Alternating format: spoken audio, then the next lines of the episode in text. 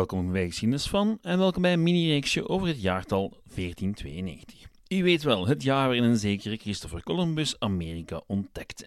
Zo gezegd, want natuurlijk zit de realiteit ietsje gecompliceerder in elkaar dan dat. Het hele continent zat natuurlijk al vol met mensen en Columbus was zelfs niet eens de eerste Europeaan die voet zette aan die kant van de Atlantische Oceaan. Moeten we 1492 dan nog altijd met dikke fluorstift aanduiden in onze geschiedenisboekjes of niet? Of zijn de gevolgen van die eerste stapjes van Columbus op Amerikaanse bodem te groot om dat jaartal te kunnen negeren? Antwoorden op deze vragen en meer in dit reeksje van Geschiedenis van.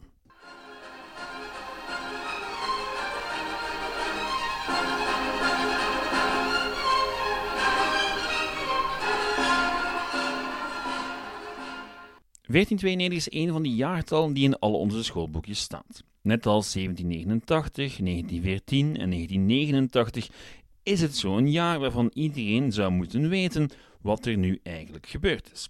Die jaartallen vormen lijnen in ons historisch bewustzijn. Ze verdelen de tijd in een duidelijke voor en na en zo helpen ze ons grip te krijgen op een bijna oneindige collectie van jaartallen en gebeurtenissen. Dus ze vereenvoudigen de dingen. Ze helpen ons om de dingen te begrijpen, maar je kan de vraag stellen of ze de realiteit ook niet te simpel maken. Want ja, niks gebeurt enkel in één jaar tijd. En hetzelfde geldt dus voor de ontdekking van de Amerika's, de Franse Revolutie, de val van de Sovjet-Unie en ga zo maar door. Er is echter nog een extra probleem met 1492, namelijk het hele idee van ontdekking.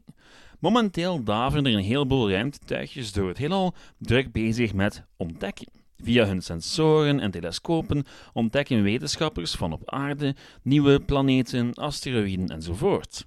Dat is ontdekken. Zij zien dingen, registreren dingen die nog geen enkele andere mens voor hen gezien of ervaren hebben. En dat kan je van Columbus niet zeggen. Helemaal niet eigenlijk. Columbus is enkel de eerste of de ontdekker vanuit een heel eng West-Europees perspectief.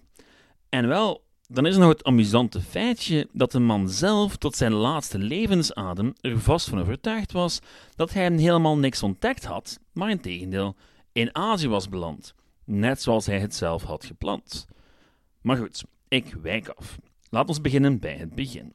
De eerste mensen in Noord- en Zuid-Amerika. Um, al is het misschien eenvoudiger om helemaal bij het begin te beginnen. U weet wel, het begin van de mens.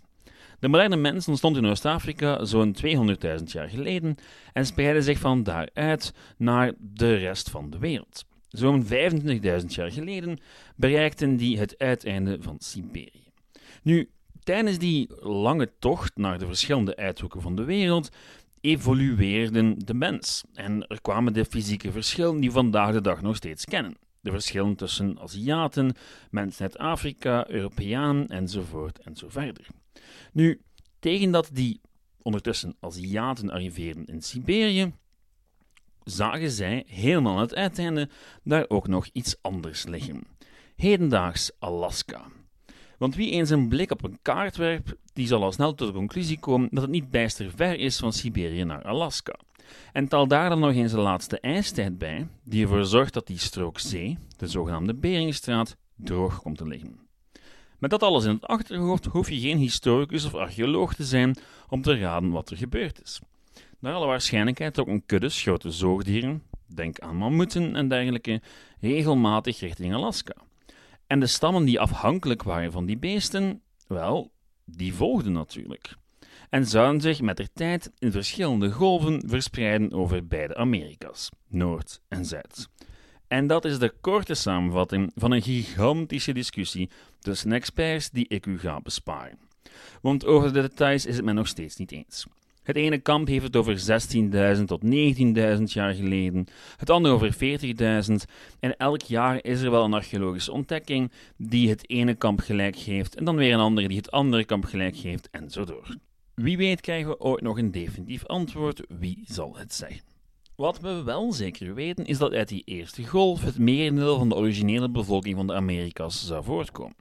Of we het nu hebben over de Sioux, Comanche, Iroquois, Cherokee, Azteken, Maya of minder bekende stammen zoals de Quechua of de Yanomami, Allemaal hebben ze gelijkaardige roots en is hun taal verbonden aan die van de eerste Siberische stammen die de oversteek maakten. Al waren die eerste stammen bij lange na niet de enige. Gezien de korte afstand mag het niet verbazen dat ze rond 5000 jaar geleden een andere groep, de Nadene, evengoed de oversteek maakten. Hun taal ligt nog dichter bij die van de Siberische stam dan die van hun voorgangers en hedendaagse erfgenamen zijn bijvoorbeeld de Navajo en de Apache. Niet veel later verschenen de voorgangers van de Inuit op het toneel. Vanaf 2000 voor Christus tot 900 na Christus verliep de migratie van de Inuit trouwens in beide richtingen. Een stam ging dus van Siberië naar Alaska en soms dus terug. Goed, daarmee hebben we alle immigratiestromen van voor de Europeaan gehad. En nu moeten we het hebben over die eerste Europeaan die Amerika ontdekte. Niet Columbus, maar de Vikingen. Om precies te zijn de manschappen van Erik de Rode, die zo rond 980 op Canada stoten. Klinkt wat raar, zonder context, maar in werkelijkheid waren vindingrijke Noorse zeevaarders al eeuwen bezig met het verkennen van de zeeën in het noordelijk halfrond. De Amerika's was gewoon de volgende halte. Na IJsland aan de uiterste rand van Europa volgden Groenland en uiteindelijk de uiterste westkust van hedendaags Canada. Een poging om zich te vestigen draaide op niks uit, met dank aan de zware winters en de vijandige bevolking, en lang werd aangenomen dat het hele verhaal maar een mythe was. Tot men in 1960 in Newfoundland, het uiterste oosten van Canada, de fundamenten van een Noorse nederzetting aantrof. Nu, de volgende in het lijstje van ontdekkers van Amerika, daar hebt u waarschijnlijk nog niet van gehoord. Of toch zeker niet in deze context, want ook voor mij was het een verrassing. Ik moet het namelijk eventjes hebben over de Polynesiërs. Kort samengevat, er was rond het jaar 2500 voor Christus een zeevarend volk in hedendaags Taiwan dat gebruik maakte van grote tweedelige kano's en een uitstekende kennis van zee- en windstromingen en dat verspreidde zich dan over grote delen van Zuidoost-Azië, Oceanië en waarschijnlijk zijn zij tot aan de Amerikaanse westkust geraakt. En daar belanden ze zo rond het jaar 1200. Er is nog een hele discussie over archeologische bewijzen, maar het bewijs dat we wel hebben zit in de genetica van enkele kuststammen en de uitwisseling van kippen en aardappelen. Oké, tot daar. En nu zijn we eindelijk aangekomen bij een zekere Christopher Columbus, de laatste in ons rijtje van ontdekkers. Want hoewel hij zeker niet de eerste was, hij was wel degelijk de laatste ontdekker. Dat zit zo. Na Columbus zou het Amerikaanse continent niet andermaal in de vergetelheid raken. Ook al was het continent keer op keer opnieuw ontdekt, feit was dat het nieuws van die ontdekking zich nooit echt over de rest van de wereld had verspreid. Elke ontdekking was ook net dat: een ontdekking voor zij die er voet aan wal zijn. Dat zou nooit meer voorkomen na de komst van Columbus in 1492. De wereld zou nooit meer dezelfde zijn. Nu, over de gevolgen van 1492 hebben we het nog uitgebreid volgende week. Eerst moeten we het hebben over wie die Columbus nu eigenlijk was, waarom die de Atlantische Oceaan opvoer en waarom heel dat continent nu eigenlijk Amerika heet en niet Colombia. Geloof het of niet, de antwoorden op al die vragen hebben te maken met een heel ander continent: De ontdekking van Amerika is immers maar een etappe in een veel groter verhaal, namelijk dat van de globalisatie. Vanaf de kruistochten zou de wereld alleen maar kleiner worden. Niet fysiek natuurlijk, maar de afstanden tussen verschillende plaatsen en volkeren hadden steeds minder impact. Na de val van het Romeinse Rijk waren de meeste regio's in Europa volledig op zichzelf aangewezen. Er was amper contact met mensen buiten de eigen stad of streek. Alles wat men at of gebruikte, werd ook in de eigen streek geproduceerd. Met de tijd durfde een handelaar al eens wat verder gaan en kwamen er luxe producten binnen, maar dat bleef lang beperkt tot een heel klein segment van de bevolking. Met de tijd echter ontwikkelden zich handelsnetwerken die tot ver buiten Europa reikten. De kruisnochten versnelden dat proces, want plots hadden Italiaanse handelaars toegang tot de specerijmarkten van het Midden-Oosten. En, wat meer is, men vond ook een zeer goede markt voor al die goederen in Europa. Dus was er vanaf de 12e eeuw een heleboel geld te verdienen met de handel in specerijen. Nu, zo eenvoudig was dat niet, want het is niet zo dat je maar eventjes naar Azië kon gaan om daar een heleboel specerijen te kopen. terug te keren en die met veel winst te verkopen in Europa. Zo werkte dat niet. Het was veel minder eenvoudig. Een karavaan uit pakweg Brugge zou nooit in één stuk India of China bereiken. Men moest handelen met, ja, tussenhandelaars eigenlijk. En elk van die handelaars wou natuurlijk winst maken en dus ging die prijs zeer snel naar boven. Nu, uiteindelijk kwamen er wat slimme Portugezen op het idee om in te zetten op de zeevaart en gewoon een boot richting Azië te sturen. Maar daarvoor was een hele technologische ontwikkeling nodig. Nieuwe schepen, nieuwe technieken enzovoort en zo verder. Men begon met die expedities uit te zenden zo rond het midden van de 15e eeuw in de hoop om een zeeroute te vinden rond Afrika naar Azië. En al dat geëxploreer zou lonen en uitmonden in een Portugese Gouden Eeuw. En u kunt u zich afvragen, maar Tim, wat heeft dit te maken met de ontdekking van de Amerika's? Wel, alles. Want vlak naast Portugal zat het net Verenigde Spanje met afgunst te kijken naar de Portugese vordering. Zij wilden ook meedoen, maar maakten niet deel uit van dat hele proces. Maar toch vroegen ze zich af of ze ook geen boot richting India moesten sturen. En uiteindelijk viel de keus op een zekere Christopher Columbus. Voor we verder gaan, even dit. U hebt het misschien al door dat ik het hier vooral heb over de financiële motieven van Columbus en co. Er worden traditioneel drie motieven naar voren geschoven voor de ontdekkingsreizen: geld, macht en religie.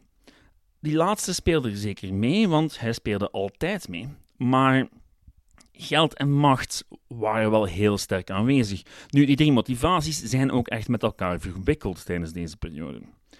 Feit is wel dat als geld niet de voornaamste motivatie was geweest voor de Europese ontdekkingsreizen, dan was Azië waarschijnlijk niet het doelwit geweest. Goed, dat is in elk geval mijn mening na het lezen van literatuur. De discussie die loopt nog. Of wat had u gedacht? Terug naar Columbus zelf nu. Christopher Columbus werd geboren in Genua in 1451. Genua was toen tijd een van die Italiaanse handelsrepublieken die hun fortuin probeerden te maken in de Middellandse Zee. Probleempje voor de Genuezen, tegen de 15e eeuw hadden hun Venetiaanse concurrenten het knap moeilijk gemaakt om nog veel winst te maken. Geconfronteerd met dezelfde uitdaging als de Portugezen, kwam Columbus met een volledig andere oplossing. Hij zou niet rond Afrika varen, maar gewoon richting het westen om dan uit te komen in Azië. Want de wereld was rond.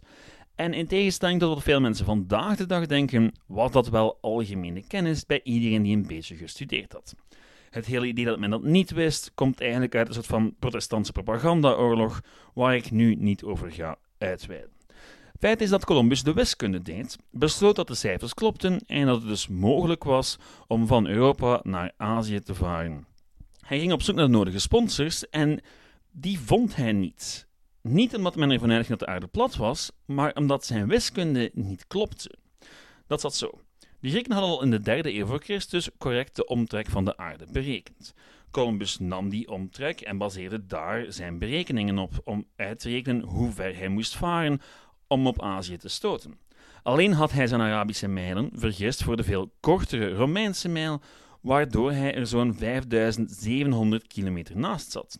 Een fout die wel onmiddellijk, onmiddellijk, duidelijk was voor de adviseurs van de Portugese koning, die Columbus beleefde deurwees. Want die afstand was zeer moeilijk te overbruggen voor de technologie van die tijd. De Spaanse vorsten waren wanhopig genoeg om Columbus wel een kans te geven. Het was een gok, maar eentje die goed zou uitdraaien voor hen. Maar goed, daarover volgende week nog veel meer. Ons rest vandaag enkel nog de vraag: waarom Amerika en niet Colombia? Dat heeft alles te maken met die fameuze rekenfout. Op basis van brieven en dergelijke lijkt het erop dat Columbus er tot op het einde van zijn leven, in 1506, van overtuigd was dat hij in Azië was geweest en dus helemaal niks ontdekt had. Wat cartografen en dergelijke voor een probleem stelden toen duidelijk werd dat Amerika niks met Azië te maken had. Waarom de naam Amerika dan? Wel, dat is het resultaat van de vaststellingen van een zekere Amerigo Vespucci. Nog een Italiaan die werkte in Spaans en Portugese loondienst en die kwam in de loop der jaren tot de conclusie dat Amerika's niks te maken hadden met Azië. Op de terugweg van Brazilië raakte hij op een dag aan de praat in Afrika met de bemanning van een Portugees schip, dat net op de terugweg was van Azië. Vespucci paste de puzzelstukjes in elkaar en uiteindelijk schreef hij een brief die breed gepubliceerd zou worden aan Lorenzo de Medici. En die brief die ging als volgt. Enkele dagen geleden schreef ik je uitvoerig over mijn terugkeer uit die nieuwe streken die we hebben gezocht en gevonden met de vloot, op kosten en op bevel van de allerdoorluchtigste koning van Portugal, en die terecht een nieuwe wereld genoemd kan worden, aangezien onze voorouders er absoluut geen kennis van hadden, en dat geldt ook voor degenen die er vandaag de dag over horen.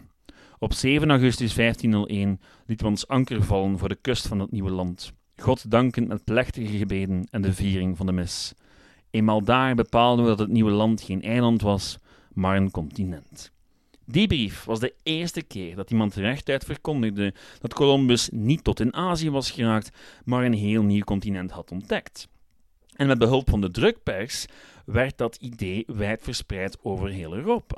Gevolg, de ontdekking werd initieel vooral met Vespucci geassocieerd en niet met Columbus. In 1507 publiceerde de Duitse cartograaf Martin Waldseemüller een wereldkaart waarop voor het eerst het continent werd aangeduid als Amerika, ter ere van Vespucci, die hij als ontdekker beschouwde. Die naamgeving kreeg snel aanvaarding en werd wijdverspreid gebruikt, al zou Vespucci nooit te weten komen dat er een heel continent naar hem vernoemd was, want hij stierf voor het nieuws tot bij hem kon geraken. De ironie van de geschiedenis, weet u wel. Goed, dat was het voor deze week. Volgende week werpen we een blik op de gevolgen van de laatste ontdekking van Amerika. Rest me enkel nog u wat literatuur aan te raden. Er zijn namelijk een heleboel dingen waar ik vandaag geen tijd voor had, maar die wel zeker de moeite waard zijn. Allereerst 1491, New Revelations of the Americas Before Columbus van Charles C. Mann onthult nieuwe perspectieven op de geschiedenis van de Amerika's voor Columbus. Iets waar ik als je het mij vraagt, niet genoeg over heb kunnen praten vandaag. Het boek verkent geavanceerde beschavingen en culturen die er al bestonden voor Columbus, en legers krijgen dus een heel mooi beeld van de omstandigheden voor 1492. Verder zijn er werken van mensen die de ontdekking en kolonisering van de Amerika's van dichtbij hebben meegemaakt. Bernal Díaz del Castillo's The Conquest of New Spain biedt een eerste persoonsperspectief op de Spaanse verovering van Mexico, wat redelijk van pas komt om de ervaring van zowel de ontdekkers als de inheemse bevolking te begrijpen. En dan is er natuurlijk ook nog A Short Account of the Destruction of the Indies door Bartolomé de las Casas. Een heel kritisch werk dat de vele behandeling van de inheemse bevolking aankaart. Natuurlijk komen die twee thema's volgende week ook nog uitgebreid aan bod. Goed, met vragen en opmerkingen kan u zoals altijd terecht bij het e-mailadres geschiedenisvan.outlook.be, de Facebookgroep Geschiedenis van en de website geschiedenisvan.be. Bedankt voor het luisteren en tot volgende week. Ciao!